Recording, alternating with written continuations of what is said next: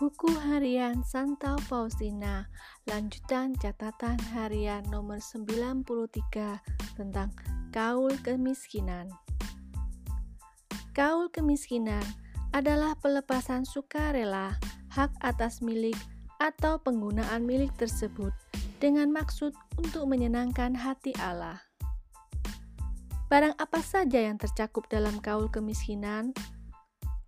Semua harta milik dan barang-barang yang menjadi milik kongregasi.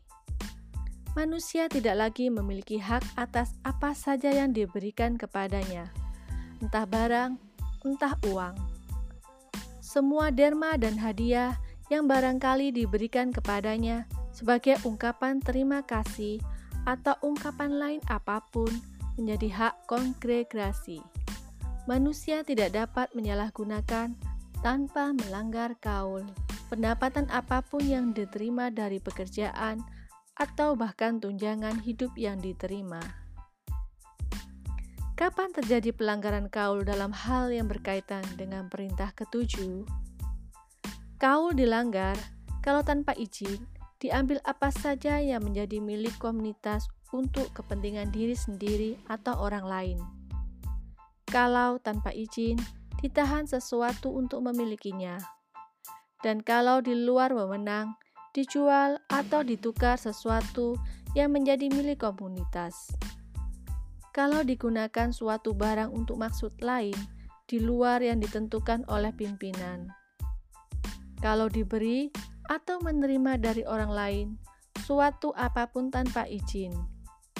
Kalau karena lalai, dirusakkan atau menghancurkan sesuatu kalau waktu pindah dari rumah yang satu ke rumah yang lain dibawa sesuatu tanpa izin.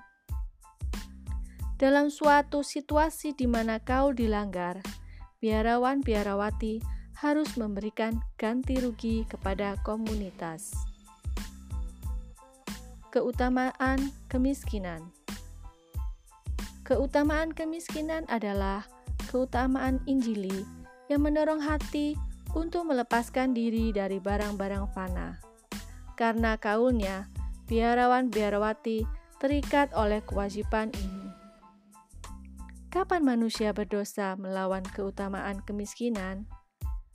Ketika menginginkan sesuatu yang bertentangan dengan keutamaan ini, ketika ia menjadi terikat pada sesuatu, dan ketika menggunakan barang-barang secara berlebihan. Ada berapa tingkat keutamaan kemiskinan dan apa saja?